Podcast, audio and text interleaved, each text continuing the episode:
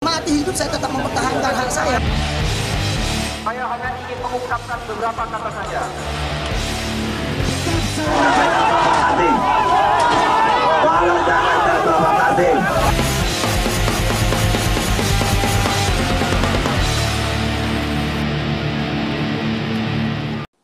Eh, halo warga, setelah sekian lama podcast Kontras akhirnya kembali mengudara.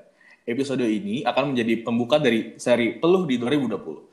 Seri yang berisi obrolan-obrolan tentang momentum penting soal HAM dan sosial politik di Indonesia selama 2020. Tahun yang tentunya berat untuk kita semua. Seri ini Kontras buat untuk memperingati Hari HAM Sedunia tahun 2020. Nah, obrolan pertama kita akan langsung bahas sesuatu yang ngaruh banget nih buat kehidupan kita di tahun ini. Apalagi kalau bukan soal pandemi corona. Banyak hal dalam hidup kita jadi berubah karena mobilitas ini harus diadaptasi untuk mencegah rantai penyebaran virus satu ini. Nah, kita akan bahas hal ini bersama seseorang yang sangat concern banget nih akan penanganan corona. Jadi dia itu seorang dokter kesehatan publik lulusan Columbia University dan um, menginisiasi platform partisipasi publik untuk pelaporan kasus di berbagai wilayah, yakni lapor COVID. Lalu sosok yang satu ini juga merupakan seorang musisi, mengisi lini suara latar di efek rumah kaca dan pandai besi, serta baru-baru ini merilis sebuah lagu berjudul Bila Malam Terkembang dengan nama panggung bersama Nirmaya. Dia juga aktif di sebuah kolektif distributif musik, buku dan kopi, yakni Kios Ojo Kios. Siapa lagi kalau bukan Mbak Irma Hidayana. Halo Mbak. Halo Ki, Ya, apa kabar? Baik Mbak. Mbak Irma apa kabar? Sehat-sehat, alhamdulillah. Mudah-mudahan kita sehat terus ya. Amin. Iya Mbak Irma. Jadi uh, kalau misalnya kita simpulin ya tahun 2020 ini kayaknya mungkin salah satu yang unforgettable momennya kayak corona nih Mbak jawabannya. Apalagi kalau misalnya kita sebagai warga Indonesia terus uh, mempunyai pemerintah yang mungkin masih agak kurang dalam menanggulangi uh, corona ini buat kita tuh kayak makin memurka cuman kayak gimana gitu kan. Tapi kalau misalnya untuk seorang uh, bagi Mbak Irma sendiri uh, kondisi terkait penanganan corona oleh pemerintah ini yang paling mungkin yang paling nyeleneh atau yang mungkin uh, bikin Mbak Irma agak kesel tuh apa sih Mbak penanganan yang pas saat apa? Bikin- Yang bikin agak kesel ya. Ya.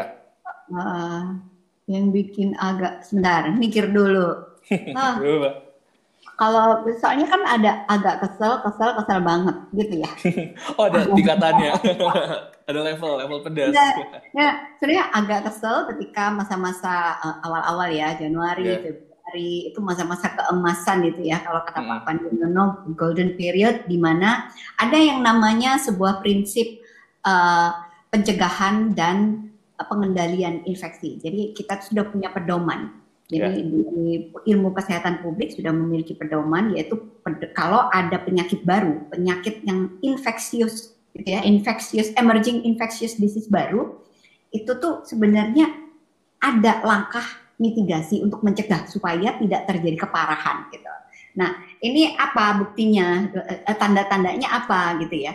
Eh, waktu di Wuhan eh, mengumumkan outbreak, nggak lama kemudian kan di beberapa negara langsung eh, terjangkit juga ya karena ada kontak erat.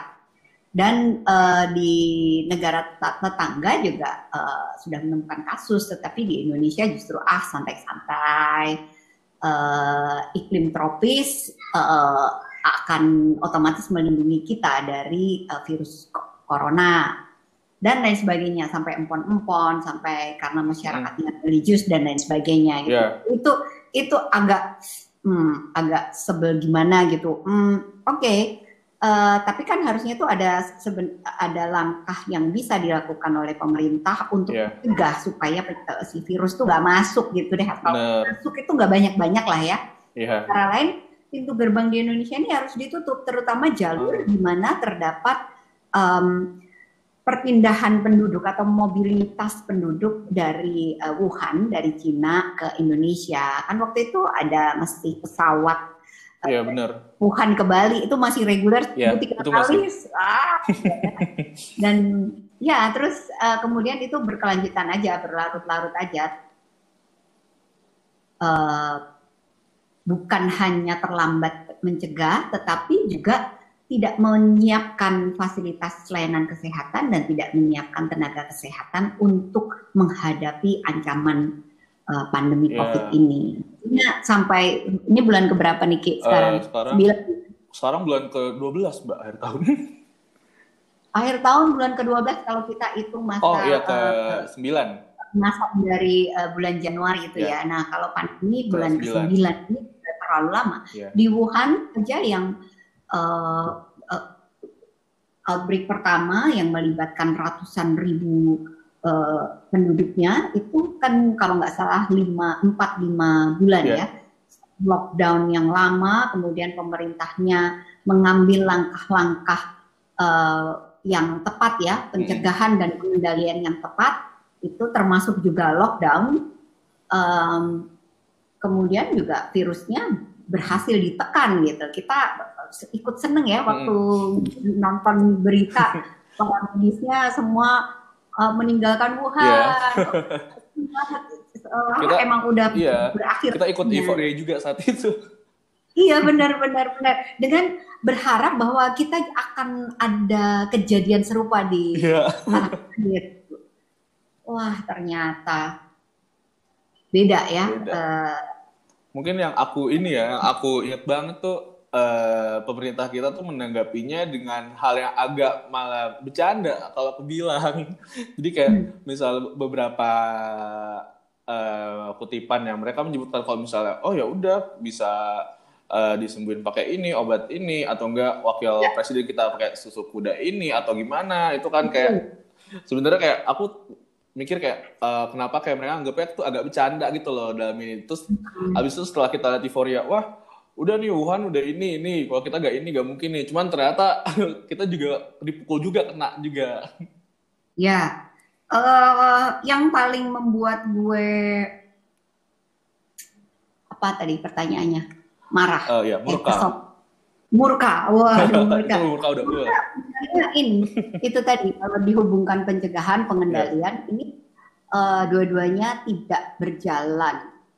Ya, gue bingung deh istilahnya tidak berjalan dengan baik. Hmm, ya bolehlah tidak berjalan dengan baik. Artinya gini kalau persentasekan sebenarnya menurut gue nih eh, cenderung gagal ya, Ya. cenderung gagal. Kalau nggak gagal itu harusnya indikasinya itu tidak banyak pertambahan kasus setiap hari. Ini bulan Desember, awal Desember aja kita sudah eh, memasuki angka pertambahan kasus setiap harinya itu lebih dari 6.000. Ya. Awalnya kita oke, tambah 100 eh, Ya, lima- masih lima- bisa sepuluh. oke Oke, kita harus kita diajarin untuk bisa memaklumi bahwa pertambahan angka orang yang terinfeksi corona itu adalah hanya angka aja.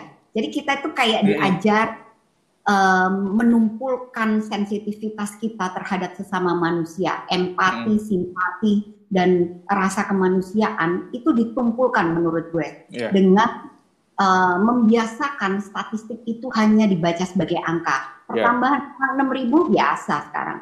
Pernah sampai 8.000 kita cuma euforianya, oh ya oke hari ini adalah yang tertinggi 8 8.000 jadi lonjakan kasus. Iya. Oke, tapi what's next? Gak ada Iya. langkah nggak ada ya tindakan lanjutannya Betul, presiden setidaknya Iya. bisa mengambil, oke ini state of emergency harus segera benar-benar bendera itu dikibarkan gitu ya. ya Dan ini emergency, eh, tolong eh, setiap orang eh, jangan keluar rumah, misalnya ya eh, selama satu bulan misalnya, Mm-mm. dengan mempertimbangkan 14 hari masa ini ya, kalau orang terinfeksi 14 hari ketika kita isolasi mandiri, kita mungkin tidak bisa menulari orang. Eh, Dan bahkan kita bisa sembuh dari eh, COVID-19 jika eh, tubuh kita masih memiliki imunitas yang baik gitu. Nah, harusnya tuh ada seperti itu. Ini eh, pertambahan kasus aja ya, Mm-mm. belum ada kematian. Iya. Angka kematian itu luar biasa banyak. Kalau eh, kemarin berapa hari ini angkanya udah keluar belum ya? Kemarin tuh yang meninggal di eh, menurut data pemerintah itu ada 18.006 orang. Itu Ya. per per 10 Desember. oke Ini meninggal Iya. ini yang meninggal konfirmasi positif ya.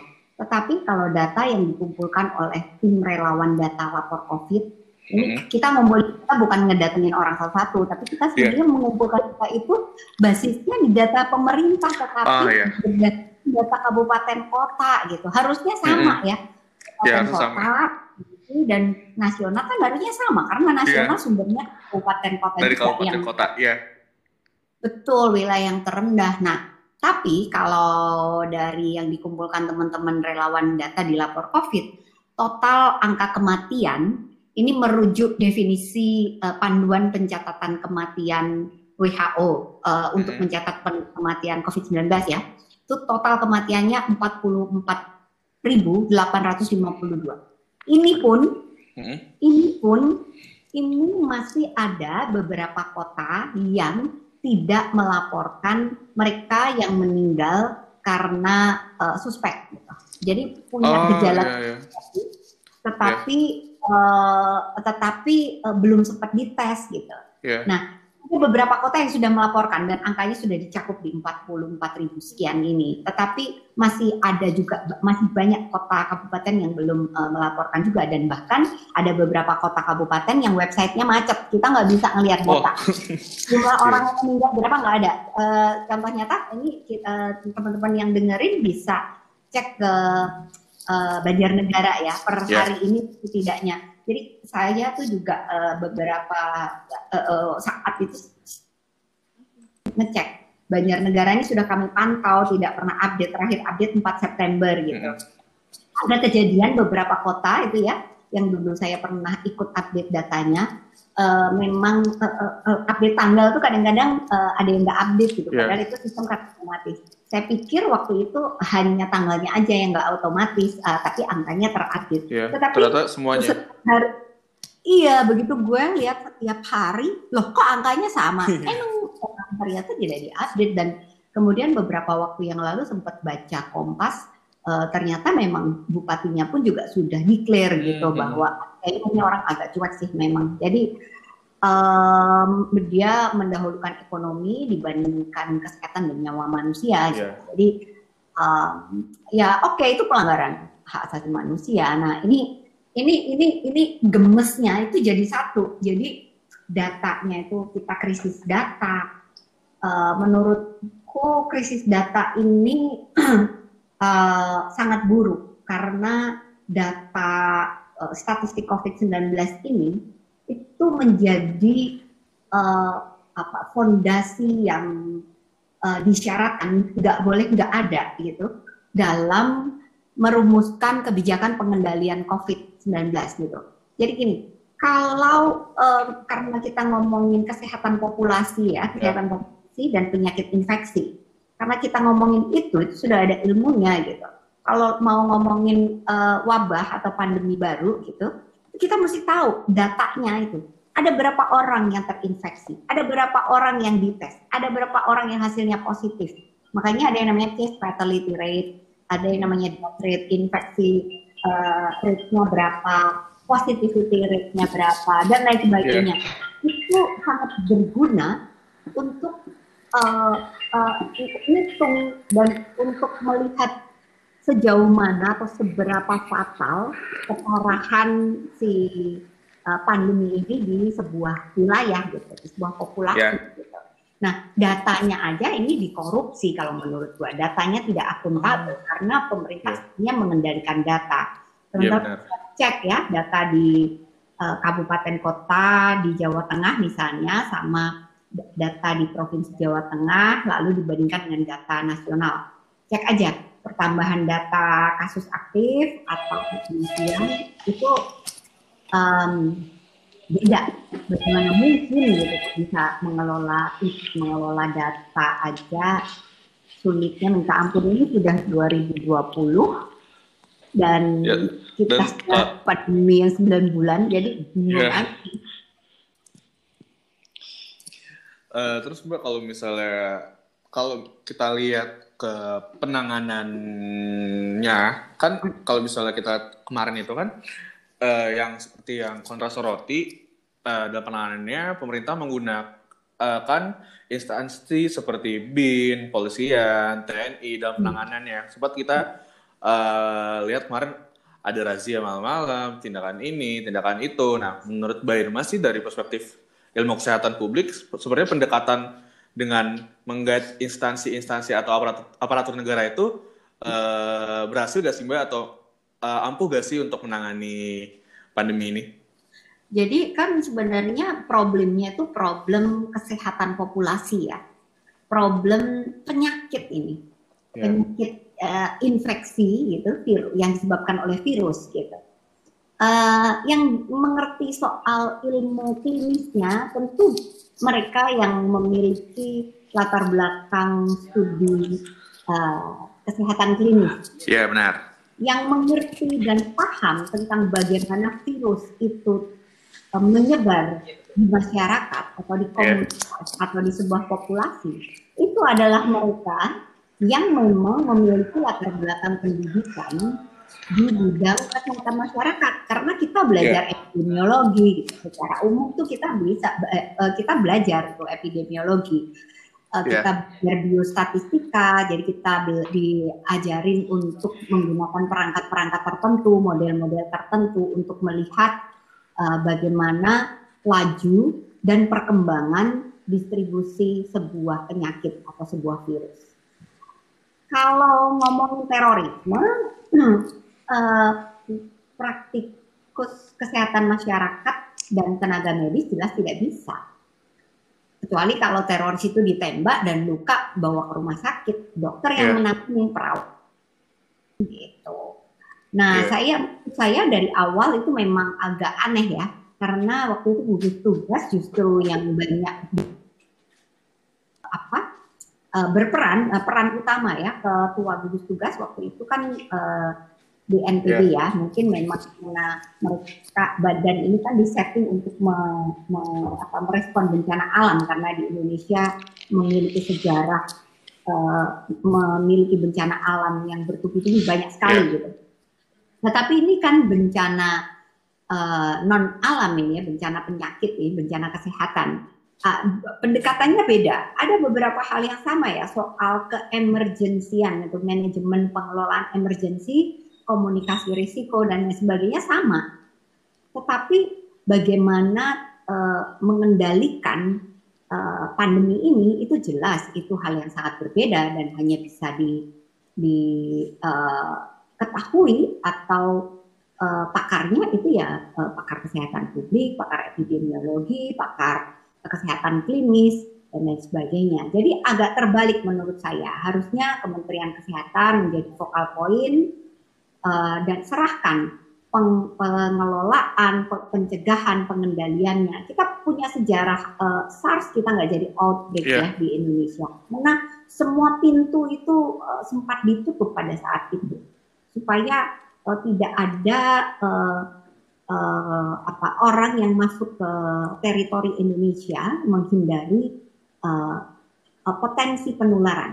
Virus itu kan tidak pergi-pergi, yang pergi-pergi manusia. Vi- Virus masuk ke dalam tubuh manusia, masuk ke dalam inangnya, dan akan dibawa ke mana inangnya pergi, ngikut aja. Kalau inangnya pergi ke Surabaya, Iya. virusnya ikut ke Surabaya, gitu. Naik pesawat, naik pesawat ikut, gitu. Kurang lebih kayak gitu. Sama kayak COVID ini dari eh, ya udah terlambat susah nyarinya ya harusnya dari Wuhan itu di dipagerin Mm-mm. aja kan sudah terlanjur ke mana-mana nah ini eh, tapi ada sebenarnya peran eh, eh, TNI peran Polri itu sebenarnya ada dalam penanganan eh, wabah ini ya. Di beberapa negara misalnya di Italia itu eh, otoritas yang diberikan kewenangan eh, paling tinggi dalam menangani eh, pandemi di Italia itu eh, Kementerian Kesehatan, Badan Statistik dan sebagainya, dan juga eh, militer. Militer ini gunanya eh, menarik banget karena mereka pada saat mereka lockdown, militer itu berjaga, polisi ya, polisi dan militer itu bergantian kalau nggak salah. Mereka berjaga, ya mereka punya peran masing-masing lah. Mereka berjaga di uh, pemukiman di area-area gitu di wilayah-wilayah itu mereka berjaga-jaga untuk memastikan bahwa warganya itu ada tinggal di rumah. Hanya boleh keluar kalau misalnya mau belanja kebutuhan eh, hari-hari masak ya, sayur, beras, beli telur dan lain sebagainya. Atau mau ke apotik atau ada anggota keluarga yang sakit. Eh, dan hal-hal penting lainnya ya dan bank itu masih buka juga. Nah, caranya gimana? Mereka itu kalau ada eh, penduduk eh, ada di jalan gitu ya, itu pasti dicegat gitu kan ada Iya. posnya. Nah, ditanyain Anda mau ke mana? Oh, saya mau uh, belanja. Belanja di mana? Di supermarket itu dicatat namanya, nama, nomor telepon, rumahnya ada di mana. Kira-kira berapa lama gitu ya? Uh, nanti pulangnya lewat mana? Gitu. Lewat sini lagi. Kalau lewat sini lagi, dia harus menyerahkan struk belanja. S- Kalau tidak didenda. buat bukti kalau misalnya dia cuma ya udah mau belanja kan ke mana lagi. Iya betul. Demikian juga kalau ke apotek dan lain sebagainya. Jadi ada ada ukurannya gitu. Oke, gua keluar, gua mau ke bank pak. Oke, ke bank ngapain ngambil uang? Ya udah nanti lu lewat sini Hmm. lagi ya. Lu tunjukin bahwa lu memang sekarang dompet tuh kosong, nanti dompet Yeah. penuh ada duitnya bisa. Kurang lebih kayak gitulah. Nah, tapi kan awal-awal pandemi kita juga baca berita bahwa pelanggaran eh, protokol kesehatan ini ya itu luar biasa banyak Yeah. juga ya di eh, di Italia. Eh, lalu kemudian pemerintah meni- meningkatkan dendanya. Jadi dendanya tuh progresif gitu. Kalau eh, sampai dari 3 juta sampai kemu- eh, 3 juta, habis 3 juta, 9 juta, habis 9 juta dan eh, progresif lah. Nah, dan eh, kepatuhannya itu eh, kemudian lebih lebih patuh. Seiring dengan itu eh, pemerintah Italia pada saat itu juga eh, memperbaiki sistem isolasi eh, mengutamakan siapa yang diutamakan, kemudian tesnya juga diperbanyak gitu. Terus sampai lockdownnya di dirilis ya, di apa di dibuka gitu. Nah pada saat Italia dan negara-negara di Eropa lainnya lockdown dibuka, kita mau buka Ya. juga kan? Padahal kita lockdown aja enggak, tapi kita kalau orang lain buka kita ikut buka. gitu. Nah Eh, itu di situ fungsinya sebenarnya dan ada fungsi-fungsi eh, saya yakin ada banyak fungsi tetapi menurut saya untuk mengendalikan pandemi dan pencegahan ngomongin eh, eh, pengadaan alat kesehatan dan lain sebagainya. Saya kira eh, tim di Kementerian Kesehatan itu jauh lebih eh, jauh lebih paham ya. Ya kita memang Kementerian Kesehatan memang berada dalam satu satuan tugas ya. Sekarang namanya satgas Uh, tapi bukan uh, apa bukan pimpinannya ya dalam pimpinan satgasnya bukan ini tetapi pimpinannya justru uh, Menteri BUMN atau Pak Luhut sekarang ya? Nah ya itulah. Uh, menurut menurut gue ini bukti bahwa uh, ekonomi itu lebih diutamakan daripada nyawa warga. Dan menurut gue itu adalah pelanggaran HAM yang terbesar yang uh, dilakukan selama 2020 ini. Jadi uh, menghilangkan hak manusia untuk mendapatkan kesempatan untuk bertahan hidup Iya. dari ancaman sebuah penyakit yang itu dibiarkan secara eh, apa secara sengaja karena testingnya rendah nggak dinaik-naikkan gitu nggak dikasih akses untuk tes dan nggak Nah. diberikan akses kepada perawatan yang perawatan kesehatan sesungguhnya gitu nah ini benar-benar sangat eh, keluar dari eh, prinsip pemenuhan eh, eh, etika kesehatan masyarakat gitu. Jadi ada ada yang namanya prinsip distributive justice dan juga uh, uh, malnutrition itu uh, do no harm. Semua kebijakan kesehatan masyarakat itu itu harus uh, diberikan kepada semua orang secara setara. Tidak ada orang yang ditinggalkan. Artinya tidak ada orang yang tidak mendapatkan perawatan kesehatan. Tidak ada orang yang tidak mendapatkan layanan kesehatan terkait COVID. Tidak ada orang yang tidak mendapatkan akses terhadap tes PCR. Tidak ada orang yang tidak mendapat uh, kamar di ICU. Kalau Yeah. tidak dapat kamar di ICU, nanti harus dapat ventilator. Tidak seperti kondisi yang ada sekarang. Uh, minggu lalu ya kita sempat merujuk beberapa pasien sulit sekali karena uh, kamar-kamar di ICU di Jabodetabek itu penuh. Iya. Uh, ini sudah agak ada yang kosong, tetapi kamar perawatan uh, kemar semalam ada uh, ada uh, rekan yang uh, mencari uh, ruang perawatan untuk uh, orang tuanya, tapi hingga siang tadi uh, sebelum kita mulai ini uh, uh, belum mendapatkan kamar juga. Nah ini kan namanya apa hak kesehatan yang merupakan bagian dari hak asasi manusia itu tidak dipenuhi.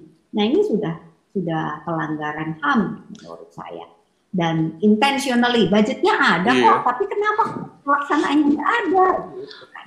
M- mungkin ditambah lagi Mbak ya dengan kasus yang baru-baru ini. Bantuan. Iya, bantuan nasional yang maksud eh, kalau misal aku Bantuan iya sosial. aku lihat eh, di sekitar daerahku aja masuk kayak masih kurang merata. Ada orang harusnya membutuhkan cuman dia gak dapet, ada yang harus sebenarnya dia berkecupan cuman malah dapet kan. Iya. Terus apalagi yang Hmm. lucu lagi yang akhir-akhir ini itu ada satu pejabat yang harusnya dia gimana cuma malah dia korupsi dana bisa gitu loh Kacau ya, dia nggak nggak nggak ingat maksudnya ya. Mungkin eng- enggak tahu penderitaan itu warga. dia Jabat menteri itu kan harusnya jadi eh, di- dijadiin menteri supaya bisa eh, mengayomi Iya. warga ya, supaya bisa memberikan kesejahteraan sosial bagi warga. Ini menteri sosial. bukan mensejahterakan malah menyengsarakan kan gitu Iya nih kacau. Eh, terus mbak kan akhir-akhir ini eh, kita udah di penghujung tahun dan udah di bulan 9 tahun depan udah masuk tahun baru dan mulai ada tuh wacana-wacana kayak soal vaksin yang sebenarnya kayak masih aku anggap masih simpang siur lah masih gak yakin gitu. Dan eh, ada juga wacana soal aktivasi kegiatan pendidikan. Nah kalau misalnya untuk ini eh, kita sebagai warga negara tuh langkah apa sih mbak yang harus kita lakukan untuk menanggapi eh, apa yang akan kita hadapi di 2021 itu loh terkhusus kayak wacana vaksin dan kegiatan pendidikan lagi. Oke, ini aduh pilkada lewat. Pilkada lewat. Lewat tapi belum nih kita tunggu ya seminggu ke depan. Karena eh, kebetulan barusan kami eh, recap eh, beberapa laporan ya. Tiap hari itu kita kita kan membuka kanal laporan warga ya. Ini pengantar aja dulu sebelum jawab pertanyaan tadi.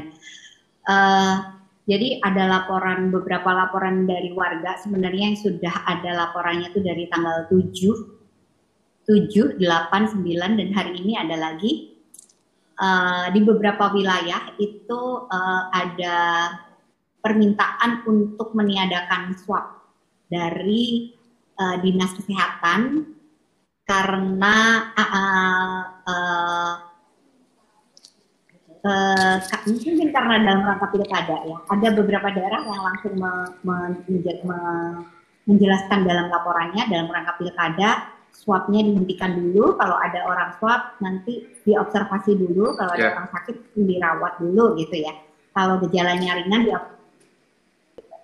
Eh, di- itu kita mendapatkan laporan di beberapa daerah soal itu. Jadi eh, lagi-lagi pengendaliannya pun sudah dikendalikan dikontrol gitu ya.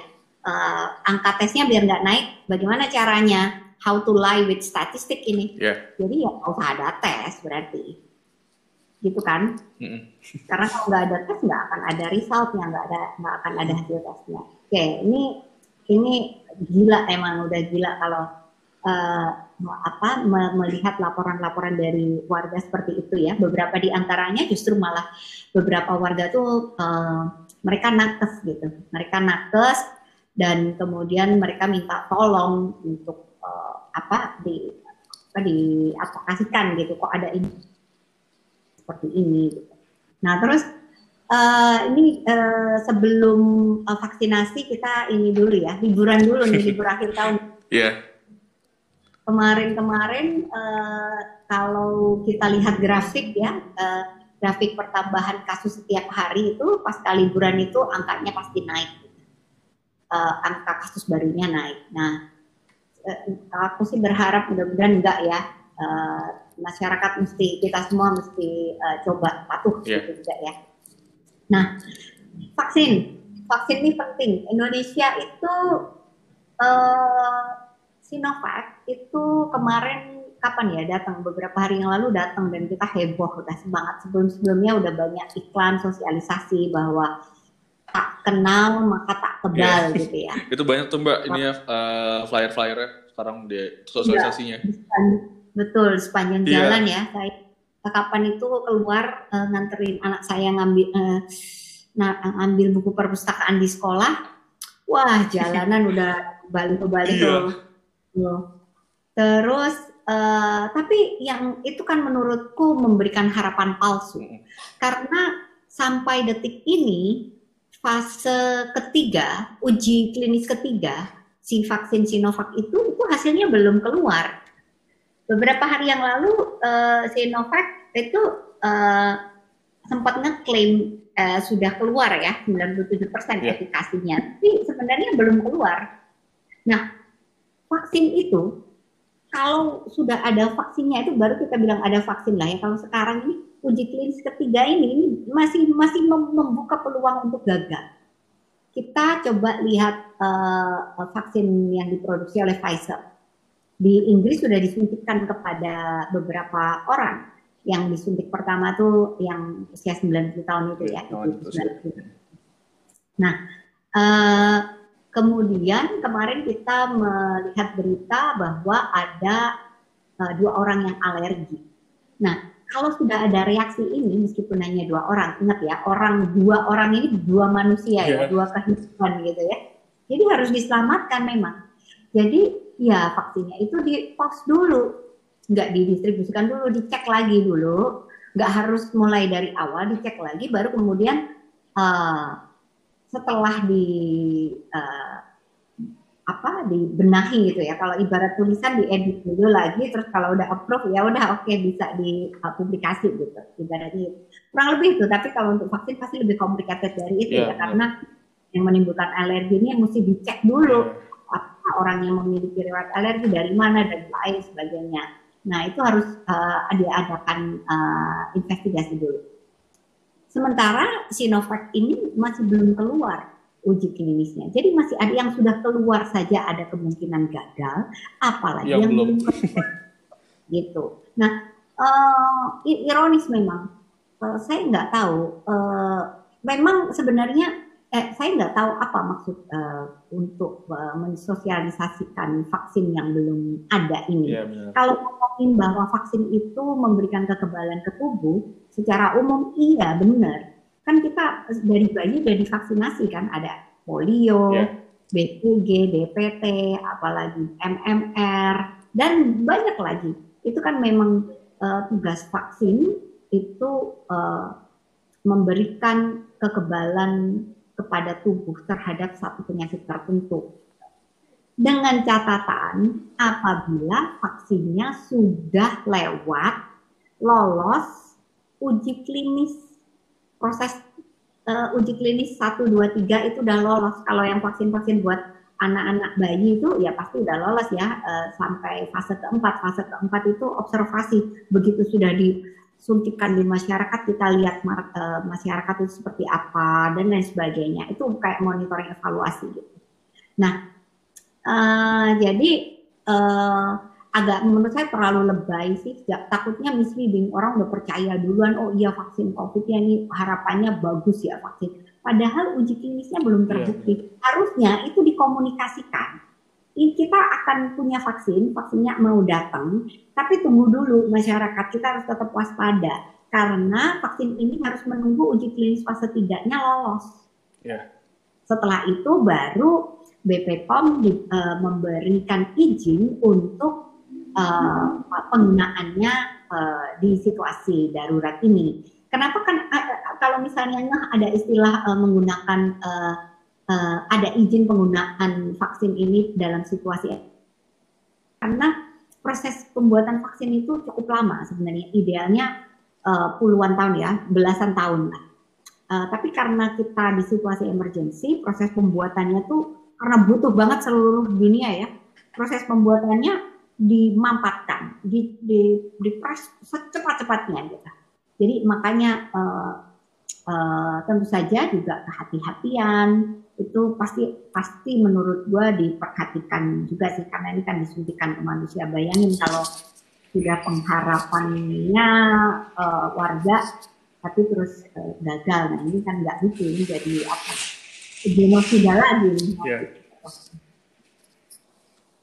Gitu sih pendidikan berarti iya, sekarang. Ya, sekarang pendidikan udah mulai kalau, ada wacana-wacana kan kayak kemarin itu ya sempet uh, sekolah-sekolah dasar lanjut kuliah. Makanya aku karena uh, kayak aku sendiri juga masih kuliah kan, cuman masih agak ragu juga apa yakin nih bisa misalnya tahun depan benar-benar eh, akses untuk kegiatan pendidikan itu bisa dibuka. Kalau Mbak Irma sendiri gimana nanggepinnya? Apalagi eh, sebagai ibu dan masih punya anak yang bersekolah tuh pasti masih ini banget. Ya, ya, ya. Eh, ya, dari sebenarnya beberapa waktu lalu, awal-awal ya, kita tuh sangat senang sekali mengapresiasi banget Menteri Pendidikan ya, Nadiem Makarim yang mengatakan bahwa eh, sekolah ditutup ya, awal-awal Ya. pandemi. Tapi bulan apa ya, eh, September atau Agustus saya lupa pasnya, eh, waktu itu eh, Menteri Pendidikan membuka eh, memperbolehkan sekolah tatap muka itu dibuka di jalur hijau, di zona hijau. Ya, Nah, pada saat itu kami juga protes. Karena kenapa? Jadi alasannya kan zona hijau itu kasusnya sedikit gitulah, tidak ter eh, apa, tidak banyak infeksi gitu. Tapi kami sebenarnya mempertanyakan eh, eh, tim gugus tugas yang membuat zonasi itu, dan kami sudah sampaikan ini. Zonasi itu eh, bahaya banget gitu. Dasar pembuatan zonasinya itu datanya juga data hmm, apa ya data yang sangat eh, lemah gitu. Tidak ada eh, data tesnya tidak ada, kemudian jumlah tesnya juga disembunyikan, Iya. eh, eh, eh, kematian orang yang eh, me- mengalami gejala klinis COVID juga tidak direkognisi sebagai eh, kematian terkait COVID. Jadi eh, sangat lemah da- beberapa indikator data untuk membangun zonasi ini sangat lemah. Makanya eh, zonasi zonasi itu tidak valid. Kan ada daerah yang tadinya hijau, kan ada urutannya ya hijau, Iya. Eh, kuning, orange, Kuning, orange. merah gitu. Iya. Nah, kan ada daerah harusnya kan urut kalau dari hijau orange dulu atau kuning dulu gitu. Kalau ini kan Iya. dari hijau menuju ke merah itu cepat sekali begitu ada Iya. satu kasus baru atau orang yang meninggal langsung jadi merah padahal sebelumnya tidak. Ini kan ada yang salah berarti. Sebelum meninggal orang itu pasti sakit dulu gitu. Kalau masa sakit itu harusnya kan melalui proses dites dulu kalau yang benar ya. Hmm. Eh, dites dulu kemudian dirawat dan lain sebagainya. Nah, ini alat tesnya ada enggak fasilitas layanan kesehatannya mendukung atau tidak dan lain sebagainya kita terus terang tidak memiliki data itu gitu. jadi itu pun juga tidak bisa dijelaskan dengan baik gitu setidaknya oleh pemerintah mungkin pemerintah sudah memiliki datanya tetapi tidak mampu menjelaskan dan membuka datanya kepada publik secara eh, terbuka nah kemudian sekarang juga eh, kita udah protes ya itu ya sekarang ini malah gila lagi ya udah eh, 2021 sekolah mau dibuka. Bagi yang ini kalau buka eh, nggak usah membuka websitenya lapor covid buka eh, covid19.co.id eh, itu bisa dilihat pertambahan kasus. Dulu angka pertambahan kasus setiap hari itu kan dikit. Sekarang setiap hari nambahnya banyak. Artinya apa pertambahan kasusnya semakin banyak dengan seiring pertambahan kasus yang semakin banyak pertambahan eh, kematian juga banyak dokter yang meninggal juga banyak, perawat yang meninggal juga banyak, sekolah malah dibuka. Ini kan logikanya nggak ada sama sekali. Di Amerika misalnya, di mana eh, pengendalian eh, pandemi di masyarakat sistemnya jauh lebih baik ya daripada di Indonesia, meskipun buruk, tetapi masih jauh lebih baik. Pembukaan sekolah itu udah menyebabkan eh, penularan kepada eh, murid dan tenaga kependidikan yang cukup banyak. Bahkan belum lama ini ada seorang guru yang meninggal. Jadi eh, apa kurang ya kita belajar dari eh, negara lain itu kurang apa sih? Eh, terus perlu berapa orang lagi yang meninggal untuk sampai bisa mengetuk hati pimpinan negeri ini untuk lebih serius lagi meletakkan kesehatan publik di atas kepentingan ekonomi dan lain sebagainya untuk sementara waktu. Jadi, ah, ya gitu, itu yang membuat murka itu sih banyak yang membuat murka. Dan Eh, hmm? sul- sul- sulit ya. So- soalnya gini, ngomongin sekolah dibuka itu bukan hanya ngomongin anak sekolah. Iya. Ini ya, kalau eh, orang tua itu misalnya sebuah keluarga dia punya mobil pribadi dan lain sebagainya, oke lah dia eh, bisa menjaga dirinya dan keluarganya eh, mengisolasi dari eh, orang lain. Tetapi bagaimana dengan tenaga pendidikan yang lain? Guru, oke, guru bisa dijamin deh dijemput sama mobil sekolah, oke Iya. meskipun dalam pernyataan yang sesungguhnya eh, sekolah publik sulit sekali eh, eh, kita memiliki guru yang mapan gitu ya memiliki Iya. kendaraan pribadi dan kebanyakan mereka harus menggunakan kendaraan umum gitu dan itu eh, potensi risikonya lebih tinggi. Nah, jangankan ngomongin kalau sekolah itu nggak nggak cuma melibatkan murid dan guru, tetapi kan ada tukang kebun, Iya. ada yang bersih bersih ruangan dan lain Terus sebagainya. ada pedagang-pedagang juga yang pasti akan datang lagi, Ada akan kembali berjualan. Betul. Nah itu bayangin mereka gimana, bagaimana eh, kita bisa mengontrol bahwa dan memastikan bahwa mereka yang ada di lingkungan sekolah itu eh, terbebas dari virus corona. Itu gimana caranya ya? Iya. kalau mungkin Pak Menteri Pendidikan tahu, makanya dia eh, memutuskan untuk menyerahkan ke Pemda dan sekolah untuk membuka sekolah.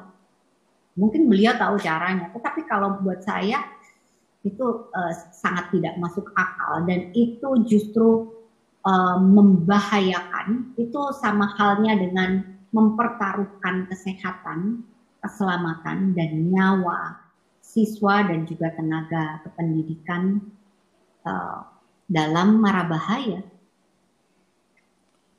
yang Dan jangan bisa dicegah.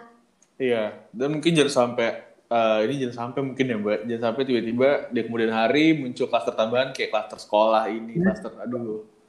Ya, ya. Kemarin eh, eh, udah banyak ya berita ya ada siswa eh, apa SMA studi tour ke Jogja Iya. 22 positif.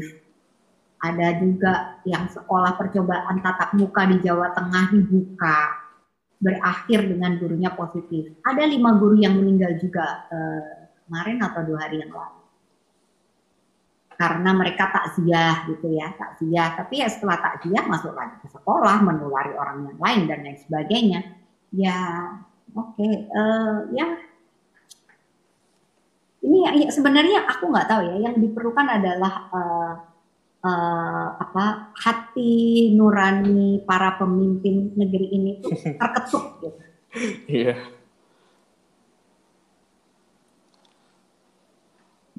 Karena maksudnya kayak jangan sampai kayak mereka harus juga gambling untuk masalahnya dan kesehatan warga negara sendiri. Eh, terus Mbak mungkin eh, kan eh, yang aku tahu ya, salah satu pencegahan ya ya kita ya udah gak usah keluar kita di rumah aja. Cuman mungkin Mbak Irma punya tips atau saran nggak misalnya kayak kita terpaksa banget nih untuk keluar dari rumah itu misalnya kayak apa aja yang harus dipersiapkan, apa aja yang harus dibawa misalnya dalam tas kita atau gimana? Eh, kalau itu sih standar ya. Kalau bisa yang pertama memang eh, kalau bisa dilakukan di rumah di rumah. Kalau kayak aku gini sebenarnya hitungannya hmm, kebetulan karena aku ada ruangan ya di kios Ojo Kios itu Oke. dan itu juga tutup. Eh, aku kehidupannya ya kalau nggak di rumah di sana, di rumah di sana gitu. Eh, kalau pergi-pergi ya selalu menggunakan masker di dalam ruangan kalau bisa juga pakai masker. Lalu menggunakan masker, cuci tangan sesering mungkin, pakai ah, kalau nggak ada air hand sanitizer juga sesering mungkin. Eh, apa eh, kalau lagi jaga jarak ya, jaga jarak itu Iya. penting. Ya kadang-kadang kita ngobrol-ngobrol. Oke deh kalau misalnya lama nggak ketemu sama temen, kalau mau foto rapet-rapet nggak apa-apa lah beberapa detik gitu. Tapi eh, jaga jarak nih apalagi Iya. kita sedang berbicara, ngobrol, berinteraksi dengan eh, orang lain ya, harusnya bisa dilakukan itu harus pokoknya oh, template lah itu sudah nggak bisa enggak. Itu sih eh, olahraga ki sama apa ya ya makan inilah makan yang bergizi. Ini tuh mesti ya tidak boleh tidak. Oke Mbak Irma karena mungkin udah agak ini ya karena kalau misalnya kita terusin kayak mungkin bisa bisa berjam-jam untuk ngebahas ini karena eh, sama-sama kayak iya. Oke Mbak Irma eh, terima kasih banyak atas waktunya dan obrolannya. Kayak eh, semoga kita sebagai warga negara bisa segera menyelesaikan lah dan mungkin semoga pemerintah mempunyai kesadaran untuk menyelesaikan pandemi ini benar-benar menyelesaikan. Ya. Eh, semoga Mbak Irma dan keluarga diberi kesehatan ya Mbak ya. Dan selalu semangat untuk Mbak Irma eh, dan pegiat lapor COVID, lalu tenaga kesehatan di luar sana. Dan eh, kalian-kalian semua yang mendengarkan podcast ini, jaga kesehatan. Kalau misalnya eh, gak ada gak ada kepentingan di rumah aja, gak usah ke mana-mana. Cuma kalau misalnya harus banget keluar, jangan lupa untuk eh, menerapkan protokol kesehatan yang sebenarnya udah template banget nih, asal kitanya aja mau apa enggak. Itu Mbak. Oke, terima kasih banyak Ya. Ya, ya. Terus untuk teman- teman-teman jangan lupa dengarkan episode-episode podcast yang berikutnya karena kita masih ada nih masih satu seri. Sampai jumpa. Salam human love human.